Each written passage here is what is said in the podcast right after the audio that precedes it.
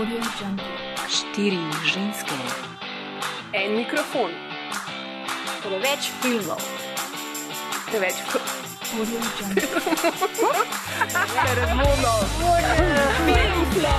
o filmu govorimo, dokler ne teče kri.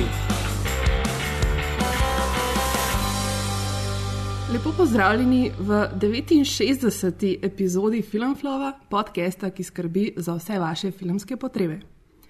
Filmflow lahko brezplačno poslušate prek spletne trgovine iTunes, sicer pa nas najdete na spletni strani mreže Apparatus na www.apparatus.si in na naši spletni strani na www.filmflow.si. Če so vam naše oddaje všeč ali pa ne, nam to lahko sporočite na Facebooku in na Twitterju, kjer smo filmflow.tm. Postalkate nas lahko tudi na Instagramu, kjer smo Filmflow podcast. Vesele bomo tudi kakega maila, najbolj pa nas boste razveselili, če radodarno podprete mrežo Apparatus in s tem tudi delovanje našega podcasta. Danes se nam ponovno obeta zanimiva sinefilska debata. Pred našim mikrofonom namreč gostimo Nino Ukmar, predsednico Art Kino mreže Slovenije in direktorico Kosovelovega doma v Sežani. Živijo Nina. Živja. Uh, in pa Jureta Matičiča, podpredsednika Art Kino mreže in vodjo kulturnega doma Franceta Bernika v Domžalah. Zdravo. Živja. Uh, z vami so tokrat Ana in Maja V, ki skrbi za brezhibno zvočno podobo tokratne oddaje. Kot ste morda že uganili, se bomo danes pogovarjali o delovanju Art Kino mreže. Poskušali bomo povedati, kaj je Art Kino in se na kratko posvetili tudi kino kulturi pri nas. Ampak preden zagrizamo v tokratno temo, sem hotla Nino in pa Jureta najprej poprašati, kateri film, ki sta ga na zadnje gledala v kinu, jo je najbolj navdušil. Če začnem kar jaz, uh, moram priznati, da uh, ta zelo glasni Tony Erdman me je zelo navdušil. Čeprav na začetku, ko sem ga šla gledati, seveda sem šla že tja z mislijo, da gremo na komedijo. In, uh, nisem najbolj navdušena nad komedijami, in potem pol ure se mi je zdelo, kaj zdaj, kaj ne razumem. Ampak uh, film se je tako dobro razvil, da, da se mi zdi mogoče, da je pri meni celo film, film leta, leta 2016. Res mi je bil všeč, um, tak nežen, hkrati pa zelo pomenljiv. Uh, in um, ko sem razmišljala o tem, kaj, kakšen film, uh, kateri film je bil še všeč, uh, priznam, da uh, me je navdušil tudi latki, latvijski film Tukaj sem, ki je bil uh, letos uh, na festivalu Film na oko. Um, namreč uh, šla sem v kino tako brez pričakovanj in me je uh, gano. Uh, in to tudi zato, ker uh, je ta realnost evropska tako zelo blizu nas. Uh, ko se mora ena mlada ženska soočati z, neko, z nekimi takimi težkimi situacijami, um, pomislim, da je to res uh, pač za našimi vrati, za mojimi vrati. Mogoče pa živimo v nekem balončku, uh, tam v enem kosovedovem domu v Sežani, uh, kjer je sicer res burja, ampak. Uh, Ni nam hudo, in, um, in ta film je res pravo, tako uh, kar vse vse konkretno, in mi dal uh, vetra razmišljanja. Ja, v bistvu mi je to kar zanimivo, kako um, pričakovanja včasih lahko tudi uničijo en film, včasih te pa kakšen film lahko čisto um, preseneti nepričakovano. V bistvu mislim tudi to, kar si rekla, ne, da um, ti Tony Erdman prve pol ure ni bil všeč, ampak se je potem razvil. To se mi zdi en tak zelo pomemben uh, nauk, da pač ko gledaš en film recimo doma lahko ga hitro prekineš, ne po, pač po pol ure, če ti ni všeč, si rečeš, ok, pač ne bom zdaj tega gledal, ampak v kinu pa se mi zdi, da vseeno imaš uh, ta moment, ko film res pogledaš do konca in dobiš od njega neko celostno izkušnjo. Ja, drži. Ne. Tak je bil recimo tudi film Taxi, uh, ker sem ga šla gledati in sem uh, pač v domačem kinu, grem doskrat na balkon gledati, tam sem sama, ker večino bila skovalsko gleda film Parterju in potem imela sem otroke same doma in sem rekla, joj, grem sam par prizorov, sam še ta prizor, pol pa grem, sam še ta prizor, pol pa grem. in tako me je film zadržal, no, skoraj do konca, do konca pravzaprav. I'm Tony. T- Tony. Erdman. Nice to meet you. I'm consultant and coach. Kaj pa Ju, Jure, kjer film je pa tebe letos najbolj navdušil? Praviloma me morajo vsi, ne, uh, če hočem reči, da je naš program tak, da je dober. Letos, mislim, kronološko, absolutno uh, Mustang, če recimo grem v tem smislu, pa, pa pojdi z mano, recimo od, od domačih. Je za me zelo dober presežek, kar se je tudi pokazal na, na, na šolskih projekcijah, kako ga otroci gledajo, res čudovito. Uh, Tony Edman, jasno. Čeprav sem rabo Tonija Erdmana, sem mogel malo noter priti. Hype glede tega filma je bil tako velik, da sem dejansko bil malo razočaran, ker sem ga prvič gledal. Šele sem ga drugič gledal, v bistvu sem res, res uh, dojel. Ampak vidim pri sebi, da moram dvakrat filme gledati, če, če hočem. Uh, recimo jih res kvalitetno pogledati. Uh, zdaj od ta zadnjih pa absolutno La La Land. I got a call back What? For what? for a TV show. It's like Rebel Without a Cause, sort of. You know it's playing at the Rialto. I'll, go- I'll, I can, I can take you. Okay. You know, for research. For research. Tega sem že trikrat videl, tako da hm, ja, to je to. Jaz si brundam to musko zdaj že uno, od novega leta naprej. Tako da res. A se lahko vrnem na Tonija Erdmana, ker eh, ta zanimiva izkušnja iz dvorane ne, je bila res pri nas zelo zanimiva, ker se ena gospa tam mal pred nami ni mogla nehati smejati. In potem se cela, mislim, cel tisti naš del dvorane se ni mogel nehati smejati na določenem prizoru in to je meni ta čar kino dvorane. To je Ja, ja, res čar. Ne. Ker doma se boš, dokler je tebi smešno, ne, pol pa bo počasi zamrlo, ne. v dvorani pa so salve smeha. Ja, pa recimo Tony Erdman je še tak film, ki ga mogoče lahko doma gledaš. Ne? Ampak La La Land, sorry, če ni v dvorani, če ni zvok res upedenan, da ta dinamika zvoka, veš, glasnih delov, intimnih delov pride ven, da se te res dotakne, da ti začnejo kot cine iti po koncu, to je samo v kinu. Ali pa če imaš doma tako dober sistem naštiman, ampak dvomim, da ga res kdo ima, da, da bi to recimo lahko naredil boljše. Jaz imam neki prijatelj, ki ne hodi v kino in potem jim rečem, ampak glasbene filme morate priti gledati v dvorano.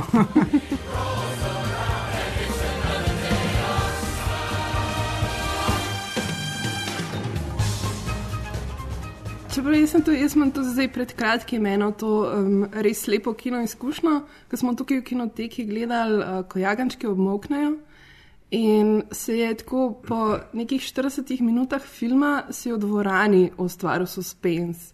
Mislim, to je noro. Pač vsi so že videli ta film, um, pač vsi ga poznamo, ampak enostavno vsi smo bili tok pač noter v filmu, da enostavno tako nisi slišal ma šuma, tako bilo je res uh, super. Um, Sam, veš, to je vedno, ne, se tudi, ne vem, pojdi z mano sem videl že nekrat, ampak še vedno se ustrašam na teh pravih mestih, mm. še vedno sem paničen na teh pravih mestih, vedno je tisti suspens, ne, ta prav. Uh, še bolj se mi to zgodilo, ko smo zdaj imeli šolsko razrednega sovražnika in sem ga gledal, ne vem, po dveh letih in pol. In, in tudi tako kanina, ne, sem rekel, bom začetek pogledal, itak ga znam na pamet. Ne, ker ostaneš noter, postaneš noter, postaneš noter, ker je tako dober, da te v bistvu potegne. Ne. In ko ga vidiš res na velikem platnu, je ta efekt jasno še boljši. Malo drugačen. Ja. Uh, zdaj, ti uh, si zdaj uh, govoril tudi o tem, kako je fajn gledati odziv publike. Um, pa me mogoče zanima, uh, kateri filmi so bili pa v vajnih kinih letos najbolj gledani, pa na katere v bistvu filme sta dobila mogoče tudi največ odzivov vaših gledalcev. A jaz začnem. Začni. Začnem. Evo, tukaj je naša zelo natančna statistika. Uh, prvi film je bil Prehostar. In to je bil edini film, pri katerem sem bil jaz grozno zadregi, a ga dati na spored ali ne. Uh, Kar nekaj v art mreži. nas Ja, ti, ja. Ne, smo imeli eno manjšo. te manjšo, teme se bomo še pol malo lotili, tako da bomo še kaj Uh, rekli. Ja. Sam jaz tako se priznam, tudi ko sem ga prvič videl, pol, ko sem pač svehtal pri fantih, da mi da grem lahko pogledati z njimi. Uh, jaz nisem bil čist prepričan, ne, ampak po, ko sem prespal, sem se odločil, da gre za uh, zelo lep primer slovenskega filmskega socialnega realizma in se odločil, da je to prava stvar. Uh, sle- v bistvu sem zelo vesel, trije slovenski filmi praktično so na prvih treh mestih, Prhostar, evo 1500 skoraj obiskovalcev, Planet Samskih, zanimivo. Okoren, tudi 1300, recimo, in pa zelo zadovoljen, Houston imamo problem, pa 1200 gledalcev. Tako da smo tam. Potem so pa tam, si pa zelo hitro sledi- sledijo, ne vem, zvrjasec in prijatelji, recimo, to je čisto tak šolski projektič, ko smo vrteli Grafolo, Grafalino in pa Room on the Broom. Pol je kaj, dojenček Bridget Jones, Mali princ, pol pa že kapitan fantastični, pa pojdi z mano, Mustang, povratnik in tako naprej. V bistvu zelo ena taka, tak raznolik nabor ja. filmov. Zelo, v bistvu zelo. Mal pove, kakšen kino smo pravzaprav, mm -hmm. dejansko. Ja, pri nas m, najviše kotirajo filmi, ki se vrtijo na šolskih projekcijah. Zato jaz sem si naredila eno tako dv- dvojno sliko uh, za, za, za lažje predstavo. Pri nas so na prvem mestu ptice selivke na štirih projekcijah. Uh, in, in to torej govorimo, da so te številke visoke zaradi šolskih, ne? in vse šolske imajo pač najviše številke. Uh, vendar bi se preselila na, na filme, ki so v prosti, bom rekla, v, v prosti prodaji ali pa v prostem ogledu dosegale više številke in uh, je tudi pri nas na prvem mestu Prhostar. Uh, potem pa uh, sledita dve, taki družinski, dva družinska animirana filma, Ledena doba, pet in Skrivno življenje hišnih ljubljenčkov. Potem pa že um, Pojdi z mano, uh, nismo imeli še nobene šolske projekcije, tako da me zelo veseli, da je na, na, na teh uh, projekcijah za izven um, na četrtem mestu, na petem in šestem, enako Planet Samskih in Houston imamo problem. Uh, tudi mene res veseli, da so te slovenski filmi tako uh, fajn gledani in da, da dosegajo lepe številke. Uh, od šolskih pa seveda super Mustang, rdeči balon, uh, Najn svet, uh, Holkus Pokus Albert uh, in pa animateka, pa animateki tudi. Uh -huh. Tako da me veseli tudi to, da, da te naši projekti slovenski, ki, se potem zaokrožijo po kinih, uh, imajo lep ogled in da se vrci in šole pri nas kar lepo odločajo za ogled in nam zaupajo. Mm. A pa kdaj dobite tako kakšne tudi uh, odzive od gledalcev, če jim je kdaj kakšen film všeč, še posebej? Imate kakšen. Ja, to je fajn, ker si, ker si recimo v takem manjšem okolju in te ljudje poznajo in potem ti tudi kar na ulici ali pa kjer bilo kje in gospod me je ustavil in je rekel, jo, res, moram povedati, da imate super program in to je res en naš reden obiskovalec. Uh, tako da po odzivih sodeč iz dvorane, pa bi jaz rekla, da je bil pojdi z mano mogoče kar na, na tako resno odušeni vsi, vsi, ko pridejo gledati in starši in otroci. In veliko so spraševali, uh, vsakeč skoraj smo imeli, pač mislim, da smo imeli vsakeč pogovor po filmu in uh, pač niso hoteli iz dvorane. No? To je en tak lep pokazatelj, da, da je film ljudem všeč in da so tudi odrasli, ko smo imeli eh, na voljo ekipo, so tudi odrasli otroke spraševali po recimo filmski izkušnji. Jak se odzivi za mehna mesta so itak, vsi tam, ne, zelo hiter uh, beseda pride okol. Uh, tudi vidiš, recimo, kako en film potuje ne, po, po neki skupnosti in si povejo za njega in ima mogoče boljši rezultat kasneje. ne. Kar je recimo ironično, ker praviloma ne bi takoj po štartu imel najboljši rezultat, ampak za ene filme je recimo specifično, da se o njih govori in šele potem pridejo okol. Uh -huh. Pa nas je bil recimo Tony Erdman, je bil tak primer. Ne? Uh, prva projekcija, eh, tako ne, pa, pa druga je bila že abonmajska, je bilo full folka, tretja spet abonmajska, pa so si pa takoj Vsi povedali. vsi povedali, da je to super film in so gli, pač vsi so ga šli gledati pol, ne, na koncu. Tako da, ja, je ne. Uh, je pa pri nas malo več feedbacka tudi na Facebooku recimo, ali, pa na, ali pa na Instagramu, recimo, da ljudje povejo, da je film dober, da jim je bil všeč, da je bila mogoče dobra izkušnja in, in tako naprej. Ne. Recimo, da je to en tak feedback. Največ pa seveda veš, da greš film gledati, uh, začutiš, kaj ljudje v dvorani čutijo, ker to je zelo easy zaznati. Uh, in tam se najbolj vidi, po mojem mnenju. No? Mm, ja, gli, gli zadnjič sem um, brala, sem, ker so v Watershedu v Bristolu um, imajo tako tablo, kamor ljudje pač uh, dajo pa listke z mnenjem, kakšen se jim je zdel film. In za I. Daniel Blake, ki zdaj, mislim, da februarja prihaja v kina, ja. super film, res priporočamo gled. Um, so. Um, je rekel pač um, vodja kina, da so mogli konstantno pač dol dajati listke, ker ljudje niso imeli dosti prostora, da so izrazili pač svoje mnenje. Bil je to tudi najbolj gledan film pri njih. Um, in jaz mislim, da je to tudi um, zelo fajno, da dobiš ta odziv od gledalcev. Smo si pa kina različna med sabo. Ne? In uh, recimo, medtem ko v državah se en film pojavi večkrat, se predvaja večkrat, recimo v Sežani in tudi še v kakšnem drugem kinu, mogoče ta film na ogled samo enkrat, potem ga še včasih za zamudnike, tistega, ki si mogoče razmišljamo, da mogoče tega vseeno fajn še enkrat predvajati, mm. ampak ker se omejen s termini, ne? potem zmanjka, zmanjka v mesecu časa za vse filme, če si kulturni dom, kot smo recimo mi, imamo več vsebin. Um, tako da smo si tudi različni ne? in potem imajo možnost obiskovalci enkrat videti tisti film ne? in te druge skoraj ni. Tako da včasih je težko reči, ne? lažje to vidiš, če imaš vem, tri ponovitve. Ja, ja, da, da spremljaš mal napredek. Jaz mislim, da bi se pač dejansko o filmih lahko pogovarjali zdaj le še štiri ure, ampak da imamo mogoče iti na temo, zaradi katere smo danes tukaj. Uh, in sicer je to Artkino mreža in delovanje Artkino mreže. Um, zdaj, Artkino mreža je bila ustanovljena leta 2010, tako da gre za dokaj mlado institucijo. Um, pa bi mogoče za začetek mal povedali o tem, uh, kaj sploh je Artkino mreža, koliko članov ima, uh, kako deluje, kako se financira, pa kaj je pravzaprav njen namen. Uh mhm. -huh. Ja, mreža eh, je, kot si že rekla, bila ustanovljena 2010 leta in sicer primarno z nekim namenom uh, digitizacije. Takrat smo se vsi soočali uh, s tem, da, da je ta val začel prihajati, oziroma ga kar ni bilo. Če se ne motim, ni me bilo še zraven, ampak uh, mislim, da sem bila na enem posvetu no, in, je, uh, in je bilo to nakazano in se predvsem zaradi tega so se člani nekako združili, uh, ker so gotovili, da bomo skupaj pač lahko nekako nastopili. Ja, pa v bistvu za življenje in smrt je šlo. Tako, pravzaprav ja.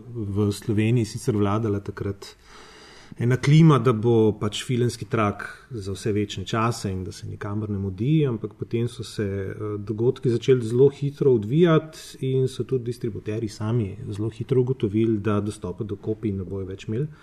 Uh, kina so pa mogla seveda temu primerno odreagirati. Ne. In moram priznati, da art mreža je tukaj dosti zgodaj skupaj stopila in uh, dejansko začela, bom rekel, grdo, ampak lobirati, da, da se sproži neko sofinanciranje te digitalizacije uh, oziroma digitizacije v pravilnem birokratskem jeziku. Uh, to je bil zaplet, ne? mimo grede, eh, ker mi tega nismo pravilno poimenovali, prva runda eh, denarja ni bila realizirana, ne? ker to je digitizacija. Ne? Digitalizacija je praviloma digitalizacija vsebine filma, uh mhm. -huh. digitizacija je pa nakup opreme za digitalno predvajanje. Tako da cela komedija je bila iz tega.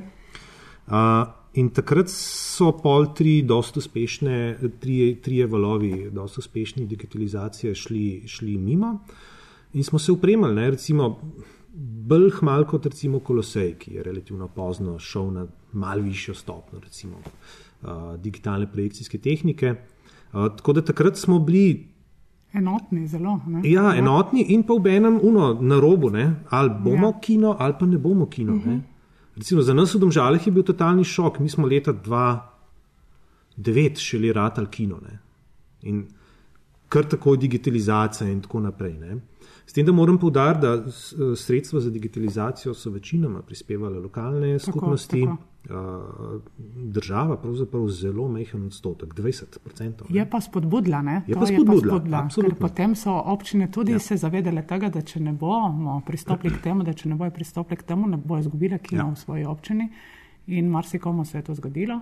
Uh, če se vrnemo članu, nas je 27, uh, od letos pravzaprav 26, ker nam je en član pravkar sporočil, ker ni digitiziran, da, da najbrž ne bo zmogel plačevati uh, članarine. Uh, in uh, od tega je pa tudi 20 članov, uh, članov Evropa Cinemas. Da, uh, Kaj pa to pomeni, da si član Evropa Cinemas? Uh, predvsem ena finančna injekcija, fajn. Uh -huh. Uh, in po drugi strani izobraževanja uh, in to tudi članstvo v eni večji mreži, uh, ker veš in vidiš, da si v Evropi tudi kino, ki ima iste probleme kot kino vem, na Polskem, kot kino mogoče v, v Angliji, no, pustimo ja. Francijo. Edini kini, ki nimajo problem, so v Franciji. Tako, oni so brez problema. Oziroma imajo drugačne na drugih nabojih, nivojih. Kaj pa mogoče čisto, kar se uh, financira, financiranja tiče? Ja. Uh, Člani plačujemo uh, članarino uh, v mrežo in uh, pridobivamo sredstva na razpisih. Uh, zdaj uh, Slovenski filmski center ima recimo razpis za stroko, tam se prijavljamo uh, in letos oziroma 2016 uh, smo bili kar uspešni, hvala Bogu. Uh, in uh, pravkar smo pa dobili en uh, petletni projekt uh, na Ministrstvu za kulturo, uh, filmska osnovna šola, v katerem mogoče več kot ni drugi oddaji, ker je zdaj premalo časa. Uh, tako da m, nekaj lastnih, nekaj sredstev iz, uh, pač iz proračuna. No. Tako, zaenkrat toliko. V principu smo pa pač prostovoljno združenje. Brez zaposlenih, Tako. uh, predsedstvo in upravni odbor sta tukaj prostovoljno, vsi delamo v svojem lastnem delovnem času, zato nismo plačani. Tako da v bistvu na nek način zelo entuzijastično in, in ljubiteljsko. Mm. v bistvu, mogoče me zanima, um, če bi mal um, razmislili o tem, zakaj je sploh pomembno, da imajo manjši kraj, kraji tudi svoj kino. Mislim, včasih je bil kino na vsakih pet km. Ne. Zdaj se je ta razdalja seveda malo povečala, ampak uh, zakaj kino v majhno mesto? Zato, ker je to življenje. Ne. Zato, ker se okoli kina ali pa kulturnega doma ali pa odra ali pa nekega, neke dvorane stvari dogajajo. Ne. Uh, ker razvijaš uh, neko kulturo, ker razvijaš ljudi, ki kritično razmišljajo, ker uh, z malce uspešnega programiranja narediš res lahko kvaliteten program, uh, ki ni Na na zadnje je to kulturno, kulturna vsebina, Ja. sedma umetnost. eh, Točno tako. Ne? In, Ki je eh, blizu ljudem. Ne? Uh, pač, recimo iz stališča mladih, verjetno iti v lokalni kino ni tako kul cool, kot iti v Kolosej, kjer so kokice, pa Coca-Cola, pa McDonald's, ampak če nimaš prevoza, pa če res hočeš videti film, ga imaš na voljo v tako, res blizu. Ne? Uh, ja. Tako da s tem, ko je mreža relativno fino razporejena naša po celi Sloveniji, to pomeni, da je ta kultura, ta segment relativno dostopen skoraj povsod. Pa mi smo uspeli tudi županu, pač le- mi imamo zunaj uh, krasen amfiteater za okrog tisoč ljudi in tega je zelo težko napolniti, sploh poleti, ker je ogromno brezplačnih prireditev zunaj. In um, res težko narediš nekaj, da boš to zapolnil. In potem smo rekli županu, pa mogoče pa kino, poletni kino bo tista, um, uh, tista kulturna ponudba, ki je dovolj bom rekel, ni tako draga za, za jo ponuditi, ne? pa tudi če nimamo poleti stopnine, je to bombon, a, nagrada za vse obiskovalce za nekaj filmov a, na leto in tudi župan je, je prisluhnil in bil takoj za in smo gotovili, da spet za ne tako a, velik uložek a, lahko ponudiš bogato kulturno vsebino a, v mestu. Uh, je pa res, da uh, mislim, vaša kina so večinoma tudi kulturni domovi, tako da združujete um, ve, več različne ponudbe pod eno streho. Ja. Kako to funkcionira? Ja, to jaz bom kar, jaz bom kar rekel, da to je res zelo je težko, no? ker potem ne moreš imeti recimo petki ne? ali pa nedelje. Ne? Jaz si želimo, ne? pa pri nas je programski koordinator sodelovec David in si že zelo prizadeva, da bi petki recimo ali pa nedelje, da bi bili za kino, ampak ne moreš imeti vedno uh, tako in potem se ljudje ne morejo recimo navaditi, da bo petek zvečer filmski petek. Ne? Uh, že tako recimo imamo film šolo, ki je za mlade en program in imamo vedno petke ob 15, ker je to po šoli in nekako smo skupaj z mladimi ugotovili, da je to najlažje za njih, ampak že moram zelo vnaprej rezervirati te petke za celo leto, da imam res tisti, tisti termin in da, da res uh, ne, ne zasedejo ali zunani kakšni najemniki ali pač zaradi naših lastnih programov. No, tako. in potem se to akrobatika. Ja, zelo vrtolomno je. Ne? Jaz si če tako malo pogledam eh, v mislih po Artki na mreži dejansko kinov, prav kin, ki so samo kino in temu namenjeno, kaj ne, 5-6. Nekaj tazga, vse ostalo smo kulturni domovi, pravzaprav, kjer pač eh, delaš neko ravnovesje med eh, filmom in ostalimi stvarmi. Uh, je pa res, da to ne more biti pol tist prav za res kino. Ne? Uh, tako kot si ga želiš, da imaš vsak dan nek program, da lahko ljudi navajaš. Uh, tako kot je rekla Nina, recimo, da vem, je petek posvečen nečemu ali pa je ponedeljek posvečen nečemu. Ne? Uh, mi ne moramo imeti torek, je kino dan, tako kot v Koloseju, ne, ker lahko da torek pač ni prost. Lahko da je v torek gledališka predstava, naslednji torek je koncert, naslednji torek nekdo najame dvorano in imaš seveda ta torek potem za en mesec popolnoma uničen in s tem ga že ni več v glavah ljudi. Uh, tako da na nek način se temu vsi tudi programsko prilagajamo potem ne. in tudi v teh svojih uh, akcijah in strategijah, ki si jih gremo. Uh, delimo, tako. Ja, uh, kje pa na ka in na kakšen način se pa vodje kinov izobražujejo in kako ostajajo na tekočem z novostmi? Zdaj ti si že omenila, da ste tudi del te uh, mreže Evropa Cinemas, ki ponuja nekaj izobraževanja.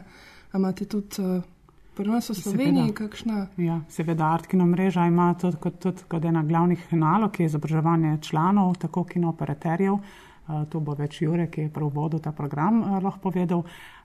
Sicer tudi pač mrežimo tako, da sodelovka zunanja, naša Mateja iz mestnega kina Ptuj, pošilja pač pošto, različno informacije, pobude, razne skupne akcije.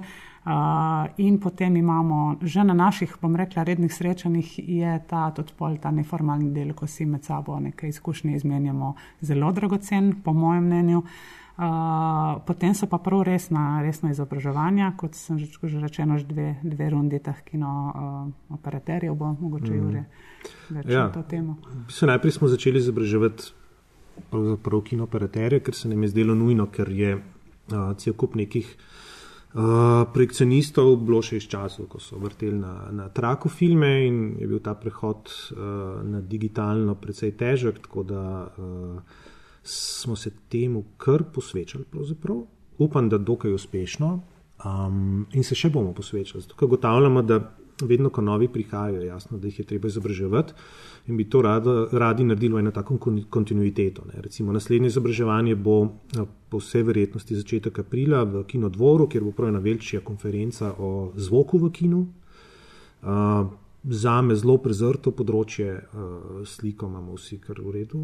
Urejeno, recimo, ampak zvok pa je problematičen, seveda. Ne? Ampak to pri- pride iz neke sukcesije, da v Jugoslaviji te, za te stvari niso nikoli kaj dosti skrbeli.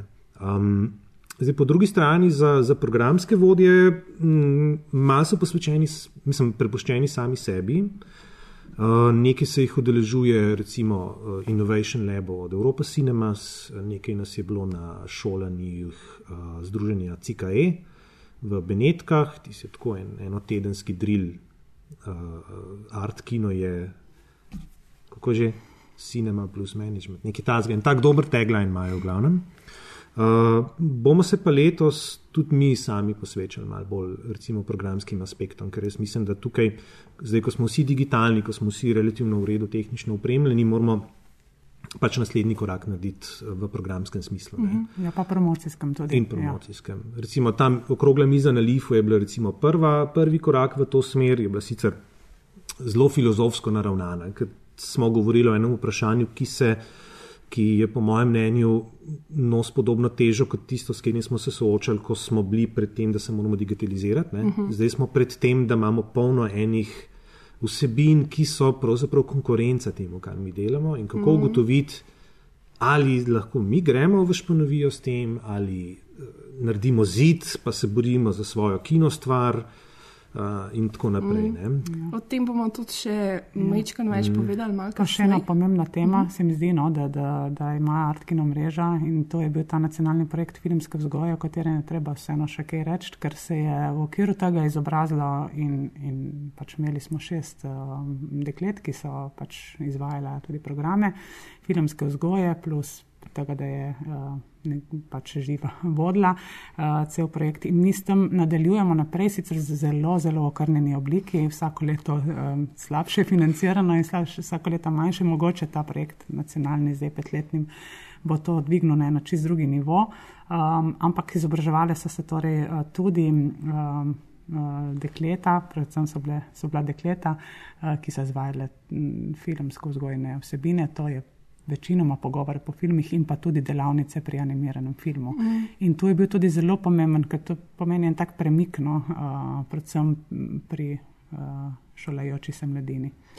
Ste pa tudi vi uh, zelo uh, veliko sodelovali pri sami pri, pripravi tega programa, čeprav vem. Mislim, ali- prav, prav bil je Mislim- prav Artkino mreža program. To je prav Artkino mreža prijavila, sicer so bile v prvi vrsti zaposlitvene uh, karierne perspektive za mlade in so, so bile pač um, uh, tendence, da, da se prav pač te ljudje izobrazijo v to, kar so se, uh, ampak je bilo tudi pomembno to v programskem smislu za, za mrežo, no, predvsej, ker Zdaj, v sami strokovni podlagi se sicer stvar nanaša na kinobalonove programe, um, kar mislim, da se vsi v mreži tudi strinjamo, da je to en tak univerzalni, pravilni, najbolj dostopen način, kako se lotevati filmske vzgoje. Uh, bil je decentraliziran, kar je najpomembnejše. Ne. Se pravi, nek kino na Ptuju je imel enak dostop do kvalitetnega mentorja kot kino v Tolminu, Ljubljani recimo, ne, ali pa v Tolminu ali pa kjerkoli. ne. To so bile punce, ki so naredile res ogromno kilometrov. Zdaj pa pravzaprav s tem novim programom pa delamo še korak dlje.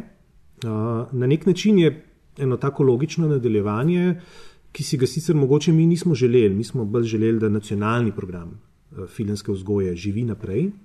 Uh, ampak gre pa predvsem za to, da strokovne delavce naučimo, kako delati s filmom. Ne. Se pravi, bodo te punce, ki so že recimo dale svoj trening čez svoje izobraževanje, v bistvu zelo močna podpora tudi novemu programu, ki bo pa seveda bolj strokovno naravnan in bo v enem na nek način tudi zelo lep program, v katerem bodo sodelovali tudi programci in pa ljudje, ki delajo v kinih. Ne. Se pravi, da lahko sami delajo na nekih filmsko-vzgojnih projektih, malo bolj zahtevnih filmskih projektih in tako naprej.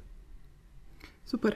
Uh, zdi se mi mogoče fajn, da glede na to, da se pogovarjamo o artkino mreži in o artkinih, da nekaj rečemo tudi o tem, kaj sploh je artkino.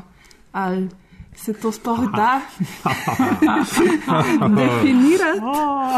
Um, oziroma, pač naša Maja Beharc je imela eno zelo zabavno pripombo. Um, če te lahko vržejo ven iz artkino mreže, če predvajaš Avengerje. Itak, še vse smo vrgli ven do zdaj. ne, od, odvisno, kje je Avenger. Je. No, si v bistvu to, to me zanima, ne? ali Star Wars sodi v artkino ali ne, kje je ta meja, ali je, jo je sploh smiselno uh, postavljati. Um, pa ali lahko v bistvu artkino sploh preživi, če predvaja samo art filme. Star Wars sodi v kino, kam pa?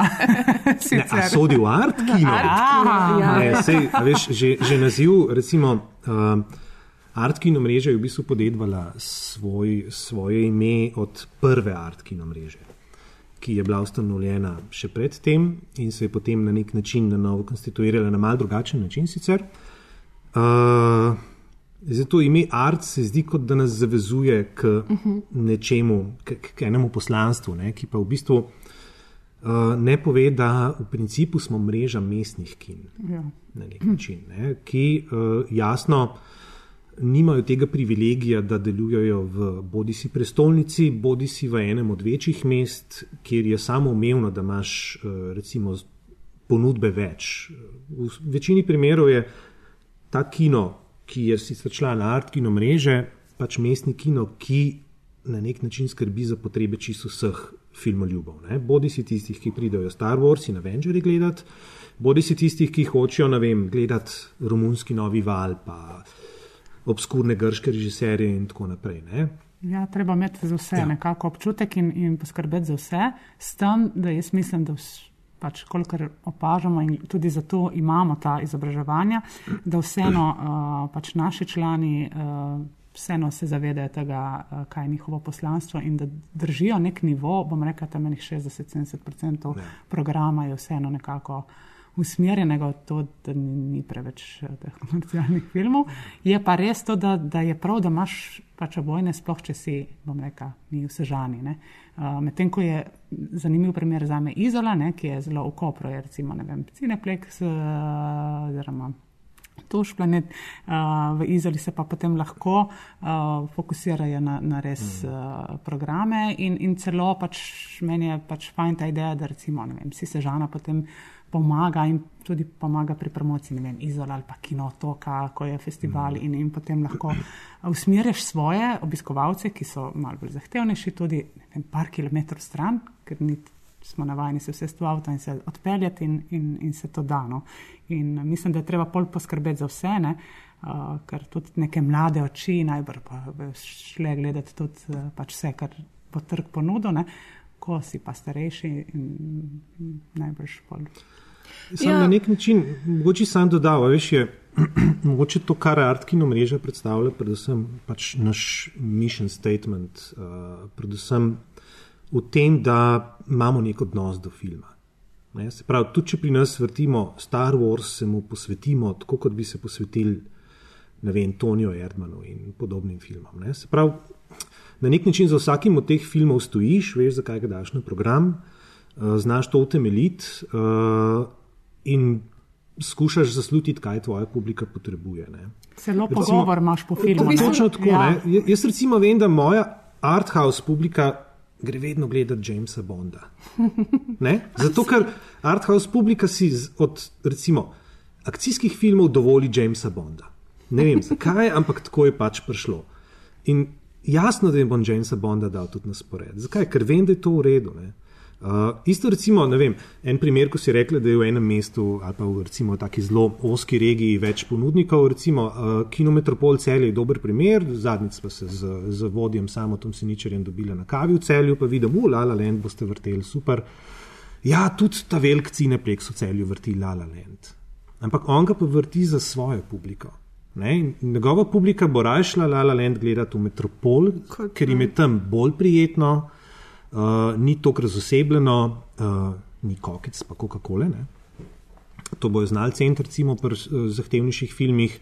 Uh, tako da na nek način se ponudba ful podvaja. Ne? Veš, tudi programske vsebine se bojo podvajale, ampak uh, na nek način, veš, vsi gradimo prijetno kino okolje, tako, tako. kjer veš, kaj dobiš, kjer veš, kaj lahko pričakuješ in veš, da je korekten odnos. Ja, Kamor tudi rad greš, točno tako. Ja, ja, ker mi smo imeli recimo Star Wars, ki smo ga že omenili, smo polibiskovalcem izdelali take manjše kartice z nekimi napisi, z neki tako neko majhno presenečenje, mi bolj radi to delamo, da jih nekako presenečemo in da, da, da stanejo naši in tudi oni čutijo, pol, da, da ta kino ni samo en kino, kamor ti sam plačaš in greš noter. In, mm. Mislim pa to zdi se mi fajn, da se mal. Presega v bistvu ta strah pred uh, velikimi ameriškimi blokbusterji, ki so pač a priori vsi za nič, kar seveda ne drži.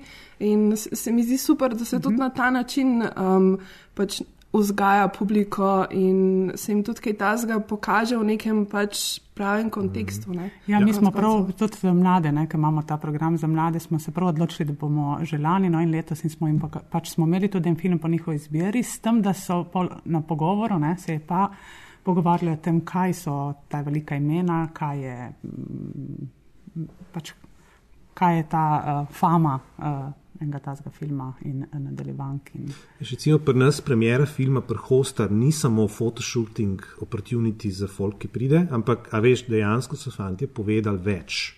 A veš, eh, sprašuješ jih take stvari, ki so. Ki brskajo po uh -huh. filmu, ki, ki jih izzivajo, uh, ki jih mogoče spravijo v nelagodje, ker jih morajo odgovoriti, ne? ampak oni so znali to ceniti. Uh -huh. A veš, ker se niso samo tako kot v Cineplexu postavili, pa fotkali pred traktorjem, ne? kar seveda je bedarija, ne, nikoli ne bomo tega pri nas naredili. Ne? Ampak, a veš, greš na, res, eh, na filmske vsebine, štartaš, na filmsko dimenzijo tistega, kar je na velikem platnu. In uh, se mi zdi, da je to tista razlika med nami, manjšimi kini in, in multiplexi. Ne? Se pravi, res odnos, bližina, toplina na nek način. -huh. Um. V bistvu sem hotel vprašati, če uh, kdaj, zdaj, sploh uh, Jure, pri tebi je zelo očitno, da svojo publiko zelo, zelo dobro poznaš. Um, a jim kdaj tudi uh, kaj tasga potakneš, kar, za kar veš, da jim mogoče ne bo všeč, ampak ti misliš, da morajo absolutno videti. Publiki vse čas potikamo take stvari. Res ne, se, veš, ja. tukaj jaz, jaz ful sovražim, da ima ta izraz, da ima kino, da izobražujemo svojo publiko. Mm. Ampak Ja, si na nek način jo. Eh, zaradi tega, ker ko imaš ti nek krok ljudi, ki rad k tebi prihaja in ki zaupa tvojemu izboru, na nek način si upajo jed gledati tudi film ki ga mogoče drugače ne bi šli gledati. Uh, Ustava Republike Hrvaške je pri nas Recimo, en ja. tak primer, Ja. ki ga najbrž obiskovalci zaradi naslova, meni se zdi blazno, pač odbijajoč naslov bil tega filma, ampak sicer krasen film. Uh, in, in se mi zdi, da pač smo jih nagovarjali tudi v, na socialnih omrežjih. Ne. Res je odličen film, pejte ga gledati. Fajn je tudi, če ti poznaš film, ne, da, da veš, da je res fajn. In, in potem bojo prišli. Ne, in uh -huh. dejansko je bil film, od katerega so iz, odhajali ven in pač tudi rekli, da je res super film. Ali pa poslali sporočilo, da je res super film. Ne. Mislim, da ga ne bi šli sami gledati. Ja, Ustava je recimo en od njih filmov, ki na začetku se je začel zelo slabo, ampak ok, pustimo, v distribucijo je dobesedno padel, uh, promocija je bila uno zadnji moment uh, in se je prav videlo, pri nas je recimo zadnja projekcija imela največ publike, kar je bilo zanimivo. In tukaj je tisto pol, ki se razširi glas med ljudmi. Ne? Uh, in recimo neko zavedanje, "U, to je pa film, ki ga moraš, ki ga moraš videti. Ne? Um, zdaj pa mogoče na eno tako malce večje vprašanje. Uh, kaj je največji izziv pri vodenju kina v 21. stoletju, oziroma kaj so trenutno neki kinematografski trendi, pa kako se recimo vi prilagajate na te trende? Ja, meni bom kar začela, ker še vedno mi odzvanja v ušesih um, Bolonja. Uh, uh, oba z Juretom sva se letos udeležila um, pač izobraževanja tega Evropa Cinemas in jaz imam cel čas vem, da je naš objekt ogromen. Ko sem bila v Dom Sežana, je ogromna taka marmorna stavba uh, in ni privlačna in ni te topline. Ravnikarjeva. Ravnikarjeva, tako je. Oziroma skupine Kras. In, um, in to je res ogromen objekt in neprivlačno je predvsem mladim. Um, potem odraslim, starejšim že ne toliko, ampak ne, ni mogoče vzpostaviti tega toplega vzdušja ali pa ne vem, boš imel tam kavarno in boš najprej ob kavi ali pa po filmu boš ob kavi poklepetal. To je dejansko nemogoče in to je en tak izziv, kako zdaj cel, ca- čas- cel čas se že sprašujem, sej neke poskuse potem imamo, krasimo prostor ali pa ne vem, če so neke otroške, damo neke bal, balone, trudimo se, ampak recimo prostorski izzivi so, so pač še vedno številka ena. Uh, poleg tega pa še to, kako spraviti uh, vseeno mlade ljudi, pač to cel čas posku, poskušamo, jaz odkar sem v domu že pet let, se imamo programe in se ne morem reči, da, da, da ne hodi, ampak zavedam se hkrati, da je zelo neprivlačen uh, kraj za, za, za gledanje filmov in kljub temu, da imaš recimo tudi festival namenjen mladim, ti mladi kar nekako ne prihajajo. Mislim, da bo to še izziv v, v prihodnjem času. Uf, izziv, kje začeti? Izzivov je tako milijon. Ne? Uh, vem, izziv je recimo, da, da, da februarja prihaja film, ali pa zdaj že zelo mal film Loving, ki je že dva meseca na internetu, recimo ne, na torrentih. Ja. To je prvi izziv. Um, drugi izziv, jasno, mlada publika. Kako programsko recimo uskladiti interese mlade publike z interesi eh, starejše publike ali pa filmskih ljubiteljev. Uh, ker na nek način hočeš imeti mlado publiko, pol veš, da ti boš večilne lepel pod stole, ne, ampak pač jih pobiraš dol. ne. Uh, tretji izziv je to, da vsi gledajo filme na telefonih, pa v bistvu si niti ne želijo nekega višjega tehničnega standarda in kako se recimo temu prilagajati. Uh, zadnji izziv je pa seveda izključno programski. Ne. Uh, jaz tukaj vedno citiram Kuna Vandela, uh, iz Kinodvora, ki je rekel, da pač se, to ni njegova doktrina, ampak splošno znana publiki mož dati vsebino takrat, ko jo hoče. Ne, se pravi, ko, ko se na Facebooku ful piše v Lala Land, moraš imeti Lala Land na sporedu. Ne.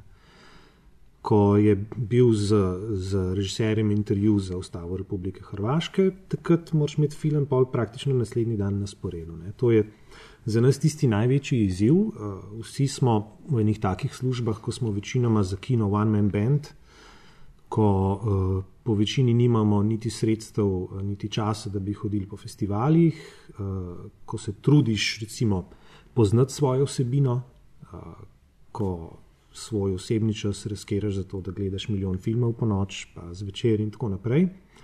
To je v bistvu tisti največji izziv. Ne?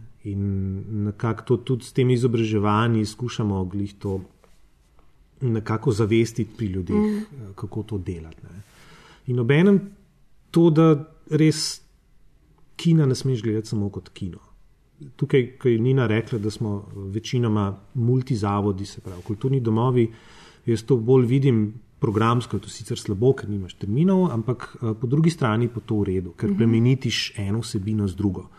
Tako da, po mojem mnenju, moraš imeti tukaj dve komponente. Moraš imeti redni kino, potem ga moraš pa nadgrajevati z tistimi vsebinami, uh, ki so bolj osebne, pogovori, delavnice, mm. uh, QA, mm -hmm. uh, filmski klubi. To, to so zdaj ne teki, te neki splošni trendi, ki grejo proti mm. uh, tako ima, imenovani event cinema, ja. se pravi, da so neke dodane vsebine sami projekciji. Um, pa me zanima, pač, če imate vidva iz vajnih kinov, kakšno uh, pač tako dobro izkušnjo glede tega. Vem, da vi imate zelo fajn um, te neke koncerte ob uh, velikih filmih, pa mogoče kako beseda o tem.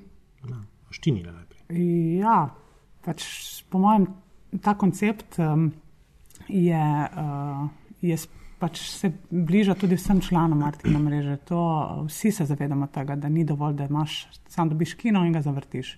Dejansko to ni dovolj, zato se tudi vsi tem kino vsebinam, filmskim vsebinam, treba se dodatno še posvetiti. No, tudi če smo res te zavodi, ki imamo več vsebin, nujno je potrebno, da, da imaš in promocijske kanale pač nekako ločene in da se da se vidi, da v zavodu ali pa v, pač v organizaciji, da se nekdo uh, tomu posveča in da skrbi za to, da se izobražuje, da dopozna te filme. Uh, in uh, pri nas smo imeli na začetku, um, doskrat smo se bali povabiti v bistvu ekipo, ker smo se bali uh, obiska, da bo pač majhen obisk in, in bilo nerodno ti je bilo, pač, da bo tam prišla ekipa ustvarjalcev in potem bo tam ne vem, 10 ljudi, 15 ljudi, da bo to zelo nerodno. Ampak stanje uh, se je zelo izboljšalo. No? Nekla, tudi ljudje se to zavedajo, se zavedajo, to pomeni, da si ti pravilno gradil nekako na svojem uh, občinstvu in pridejo in tudi ki vprašajo, ampak to ne pride samo od sebe, da ti sam napišeš v mesečni informator, da bo prišla ekipa. To ni dovolj. In ko se tega začneš dejansko res zavedati in na tem delaš, potem ta publika tudi pride in mm. oni vidijo, da si ti. Da se resno, ne? tako da to gre z roko v roki, in uh, ni dovolj, da sam povabiš. No. Uh, hočem reči, ta event uh, je treba graditi cel čas. Uh, je pa res, da mi smo imeli tudi poleti zunaj filme, uh, in um, je bilo zanimivo, no, da um, nekaj časa imamo ta poletni kino tudi v času um, poletnega festivala za mlade in pol so mladi enkrat rekli, oj, mi pa ne bi imeli teh pogovorov po filmu, mi bi sam gledali film.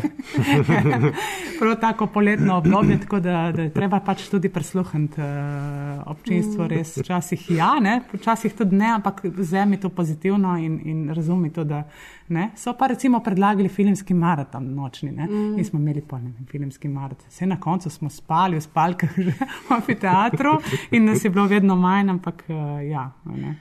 Je pa sploh letni kino, rado, ker je zelo popularen v zadnjih časih. Ne? Vsi imajo letni kino. Moraš imeti letni kino. Sem letni kino je, a veš. Letni kino je super. Ne? Zakaj? Ker je, ker je bolj sproščen, ker ker uh, si programsko malo bolj prost, recimo, vsaj pri nas v mestni kino domžale, damo pač slogan, ven, da so to pač poletni filmi. Ne? In niso zateženi, niso zahtevnejši in tako naprej. Uh, Obenem si kakšno drugačno vsebino prvoščaš, uh, obenem lahko še en mega blockbuster zavrtiš, ki ga sicer nikoli ne bi vrtu, pa žur, ker je zunaj, lahko spiješ kako pivo. Ja, veš, ja. vsi kadijo, vdune, vsi imajo piče. Poštre, ja. ne vem, deke, odeke. Pri nas, pri nas je rato v parka, veš, pri nas imamo koliko 200 sedežev, pa pa folk prinese, ne vem, spalke, ležalnike, en ja. par si full nos, tuno, skletco za šampanc. Veš, mislim, tako v redu je, no, tako sproščena atmosfera je. Ja, najprej, najprej meni je to zanimivo, ker smo si najprej mi začeli nositi, ne pač tisti, ki tam delajo. Jaz, si, jaz si vsakeč prenesem dve spalki, da mi je komod. Ne, tako, da, da, in potem najprej na prvem ne, ne, pol pa vidiš, da pač ja, vidijo si, ja, seveda, ne. Pač tako in, in je res to fajn vzdušje. No. Um, ne, pa gled, pri nas letni kino, koliko štiri leta ga že delamo, ampak pri nas pač res imamo kinoprojektor in tako je huge platno. Uh, to je bil za nas, v bistvu, tako logistično, to je full zahteven projekt, uh, kljub vsemu. Uh, ampak na nek način se je izkazalo, da vsi tisti, ki jih nam hodijo v kino, zelo radi pridajo, obenem pa na nek način smo pa ogromno nove publike noter dobili, ker smo upozorili, da sploh je kino. Uh -huh. Ker smo mlad kino, ne? noben ni vedel, da smo, vsi poznajo recimo ta staro kino dvorano v Domžalah, pa vejo, da je prazna, niso pa vedeli, da, da je zdaj kino nekje druge. Ne? Uh, tako da mislim, tukaj mi je vedno super. Letos smo imeli recimo prvič predpremiero od uh, Miha Knifice, recimo štiri stvari, ki sem jih hotel početi s tabo, pa je Miha prišel, pa je bil pogovor, Ja, s katerim so bili vsi čisto kul. Ja, in zanimivo je bilo tudi tam pač našim gostom, ne, ki so prišli letos. Rekli, joj, pa vi ste to zavrteli uh, vse žan, recimo Stara Gara je imela projekcijo mm. kratkih filmov. Joj, ne, in je prišlo kar nekaj ljudi in so bili tudi starjavci. Tako navdušeni, sicer res, da oni v amfiteatru, pa nas za tisoč ljudi, ne, potem zgleda nekoliko prazno, uh, ampak vseeno ljudje vidim, da se ja, zavedajo. Tudi je tako, ne, recimo film štiri stvari, recimo Ej, jaz ne vem, če bi ga toliko ljudi prišlo gledati. Ne? Res je. Uh, ampak ker je letni kino, mm -hmm. ipak pridajo in vidijo nek dober film, ki ga sicer ne bi, ne bi uh, šli gledati. Zdaj, koliko je štiri stvari dober film, je ongoing debata že full časa, uh, ampak kljub vsemu. Uh, mi smo lansko leto tudi prvič delali filmski koncert, recimo. Uh, jaz sem zavestno dal pol kot otvoritveni film, ne slovenski film, kot je pri nas tradicija, uh, ampak Vojno zvest, sedemko, Uh, in smo jo pospremili z, z lokalnim simfoničnim orkestrom, ki je bil v tistem obdobju in še je v zelo dobri kondiciji, novega zagnanega uh, v filmsko glasbo zaljubljenega dirigenta smo imeli. Ne, in smo imeli, a veš, tik pred filmom Star Wars Suite Live z celim simfoničnim orkestrom odigrano. Tisti je bil za me zelo ekstatičen trenutek, moram priznati. Ne. Tako da zdaj upam, da bo šlo čez, ampak si pa planiramo ozvočevanje filma, z sicer manjšim sestavom njihovim, verjetno z godalci, ampak da bi en nemi film ozvočevali recimo na, na letnem kinu, kar je spet malce zahtevnejši projekt, uh, tudi za izvest, ampak upam, da se nam ga bo uspelo uspešno mm. lotiti za letos. Ne? Mi smo lani prvič ugotovili, da gre v naše dvigalo, da gre klavir v dvigalo in so sanje za letos tudi podobne, da pripeljemo klavir in seveda mhm. na platno, da počakamo še glede programske. Je pa fajn pri nas, ker imamo obdivači uh, v muzeju Slovenske kinoteka, ima tudi letni kinozoni. In meni je tako fajn, da pač skupaj naredimo nek program. Recimo, mi smo imeli v 2016 slovenske filme, za razliko od prejšnjih let. In je pa kinoteka imela, uh, ki ima običajne slovenske filme, obrnjena, imela pač nek drugačen mm. program. In fajn je, ker se potem med sebojno tudi uh, pač promoviramo mm -hmm. in uh, skupaj naredimo pač promocijske materijale. To se mi zdi tako dragoceno, ker taki majhni skupnosti sta dva, dva poletna kina in moram reči, če najbrž tako na, na par kilometrih ni, v Sloveniji ni toliko. Uh, programske ponudbe tako bogate. No? Mm. Tako da fajn. Je, okoli Ljubljana je tega. A, ja, ja. ne, drugače pa jaz mislim, da vsi, vsi ki ni v mreži, pač večinoma slovenskih filmov imamo premjere za pogovori z ekipami, ki so vedno številčnejše. Uh, eden od lepših komplimentov, da je ene zvestih obiskovalk, je joj, navadili ste nas spet gledati slovenske filme. Jaz sem se zelo lepo počutil takrat. Uh, pri nas v Domžalah pol enkrat mesečno delamo filmske pogovore, se pravi uh, filme, pri katerih začutimo, da so tematsko izzivalni, da imajo take tematike, o katerih uh, bi se radi bolj pogovarjali, uh, dobimo kakšne strokovnjake, sogovorce, s katerimi se pogovarjamo. Za filmski abonma imajo naši abonenti redno malo bolj obširne tekste pred ogledom filma, ki uh -huh. jih pošljemo po pošti. Ogromno delamo z upokojenci, starejšo publiko. Kar nekaj kin ima tudi, ja. Ja, ima za mamice, recimo, filme. Tudi, tudi za mamice nekaj, filme. Ja. In pa, jasno, in pa jasno delo z mladimi. Ne. Mi vsake počitnice imamo ustvarjalne delavnice. Eh, zdaj smo prvič izvedli delavnico stop motion animacije, sem zelo vesel, da je šla čez in jo bomo še delali. Um, kar pomeni, da praktično res izčrp. Skozi je treba delati. Skozi je ja. treba delati na lovorikah, nikakor ne gre spat. Uh, Obenem pa to od teh mehkih ekip zahteva zelo velik angažma, mm. kljub vsemu. Uh, tako da uh, na nek način. Ko ugotavljamo, da situacija nikakor ni rožnata, na vsak način pa ni kaj dosti drugačna kot druge po svetu. Pravzaprav, ko greš ven, na ne vem, Evropa Cinemas konferenco, recimo, na zadnje smo bili v Pragi, uh, ugotoviš, da pravzaprav delamo v redu. Nasploh. Ja, to mi je bilo zanimivo, da je nas sodelovec prišel nazaj in je točno te rekel, joj, pa jaz cel čas imam slabo, mislim, cel čas si mislim, joj, kaj bi še, kaj bi še. In končno, ko sem prišel z Prage, ni na več, kaj ti lahko povem. pa sej mi smo v redu. Um, kaj pa mogoče uh, sodelovanje z distributerji, kaj najbolj pogrešate pri njihovi ponudbi? Pa ste že kdaj razmišljali o tem, da bi um, tudi sami začeli z distribucijo filmov? Pa kakšen izziv bi bil mogoče to za vas? To vprašanje je izziv, ker mogoče ima z Juratom ene, ene iste poglede, nekatere pa malo drugačne. Ja, ker jaz sem bila nekaj časa nazaj predvsej. Predvsej me je jezilo dejstvo, da, da nimamo urejenih vseh distributerij. Se, na začetku vala te distri, digitalizacije se je dogajala kar nekaj, uh, tudi najbrž zaradi naših.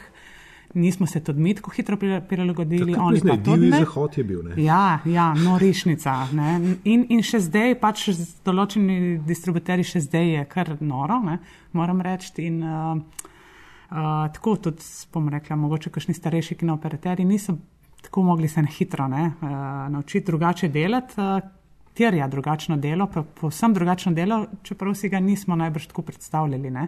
Smo si mislili, da bo najbrž vse lažje, pa dejansko ni zares vse lažje, je, je pač drugače. Je, ne. In recimo, če ti ključ ti odklene recimo film tisti dan, uh, na dan predvajanja, moraš ti pač pogledati, če ima prave podnapise, pač toliko prej in kinooperater ima mm. drugače razporejen čas, kot ga je imel prej. Ne. Uh, nam se je zgodilo enkrat, recimo, da je bil, so bili napačni podnapisi in kinooperater ni opazil, ampak ne, je videl, da aha, podnapisi tečejo, bili so v hrvaščini in ni opazil žal. Ne. Potem se je pač film odvrtel tako. Ne. Uh, ampak se nam pa zgodi, da prihajajo in zadnji moment filmi in da recimo vem, ključ vključeni. Tako smo že kdaj kaj odpovedali, kakšen film in to. To se mi zdi res tako neodgovorno do nas in do naših uh, obiskovalcev. Ne samo z naše strani. Ne, in, uh, me pa tudi to, to malo jezi, da distributerji včasih se najbrž nimajo časa, ker je tako majhen trg. Tu vse razumem, da smo v Sloveniji in da, res, da smo res majhni. Uh, ampak pol pač ni. Ni film zastavljen tako promocijsko, no, kot bi lahko bil, ni prevodov, ni nekih materijalov. Ne. Um, tako, to, to te včasih zna res, vse poiščeš, vse je res splet, je vir vseh informacij. Ja, tukaj si pomagamo ja. tudi ne, med sabo na nek način. Da... Ampak meni men odnos z distributerji za me, vsaj, pa sem verjetno eden redkih, jaz mislim, da je korekten. Mi imamo dober odnos z distributerji. V bistvu Slovenija je v relativno dobri, dobri poziciji. Uh, v, v Nemčiji kino, kot je naš, ali pa sežana, vojne zvestniki pod razno ne bi dobil na prvi dan. Uh -huh. Pa jo, ne? brez problemov. Ne? Tudi filmov je na voljo dovolj, mislim, tudi art filmov je na voljo dovolj. Pravzaprav je filmov na voljo preveč. In je že težko uh, uskladiti vse v, v, v tvoji programski schemi. Ne? Kar recimo pri kažem kinodvoru, ki ima manj filmov na sporedu, recimo tem res hardcore rednem sporedu, je to problem, ne, ker nimajo prostora. Uh -huh. In tudi mi se soočamo s tem, ne, da hočeš imeti programsko raznolikost, pa nimaš prostora vsega zvrteti, uh, niti potencijala, ne, v končni fazi vsega zvrteti. Uh, in tudi, jaz mislim, da se tudi odnos z distributerji boljša. Omogočajo nam, da, da vedno več filmov vidimo vnaprej, uh, da dejansko vemo, kdaj štartajo. To je bil velik problem, by the way ker ni, te, ni, ni tega občutka, da mora film tudi v majhnem kinu štartati na prvi dan.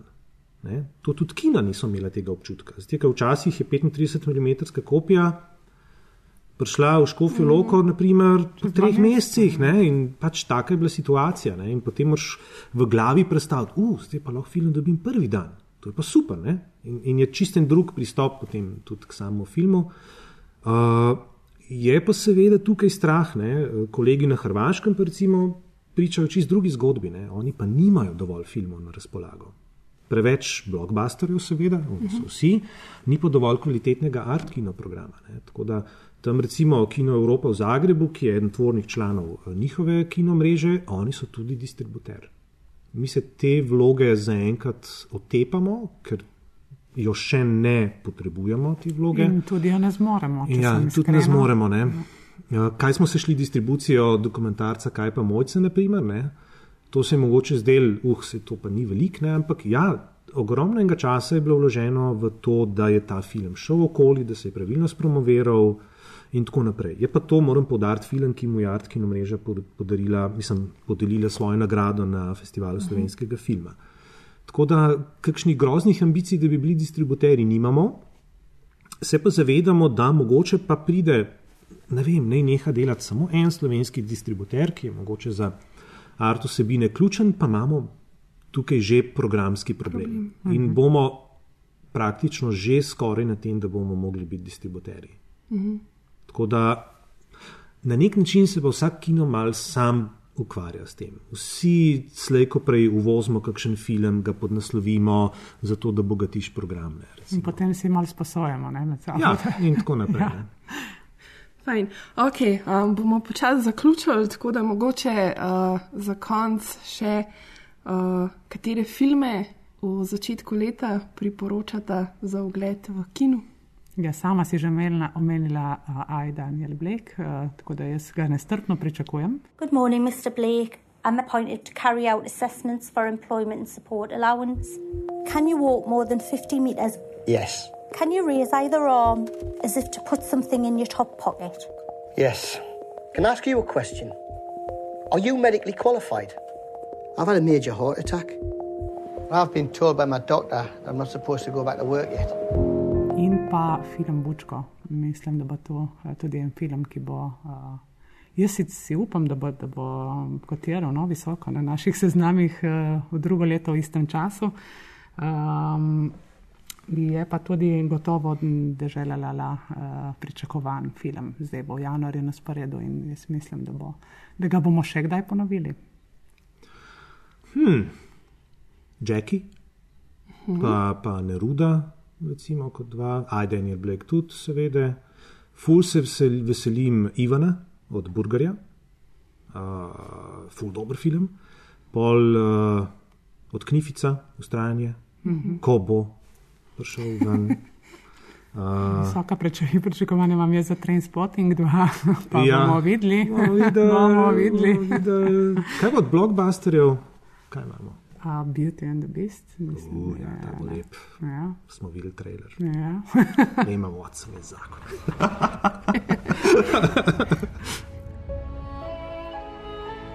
Show me the girl. Look at her. What if she is the one? The one who'll break the spell? Hello. You can talk. Well, of course he can talk. Hello, pleased to meet you. Skratka, um, je kar nekaj zanimivih filmov, ki si jih lahko greste pogledat. Um, pa tudi vas res vabimo, da si jih greste pogledat v kino in da podprete vaše lokalne kine. Uh, jaz pa bi se vama, Nina in Jure, rada zahvalila, da sta bila gosta v tokratnem Filmflowu. Jaz mislim, da smo bili kar temeljiti, mogoče celo malo preveč, tam le Maja zmajuje z glavo.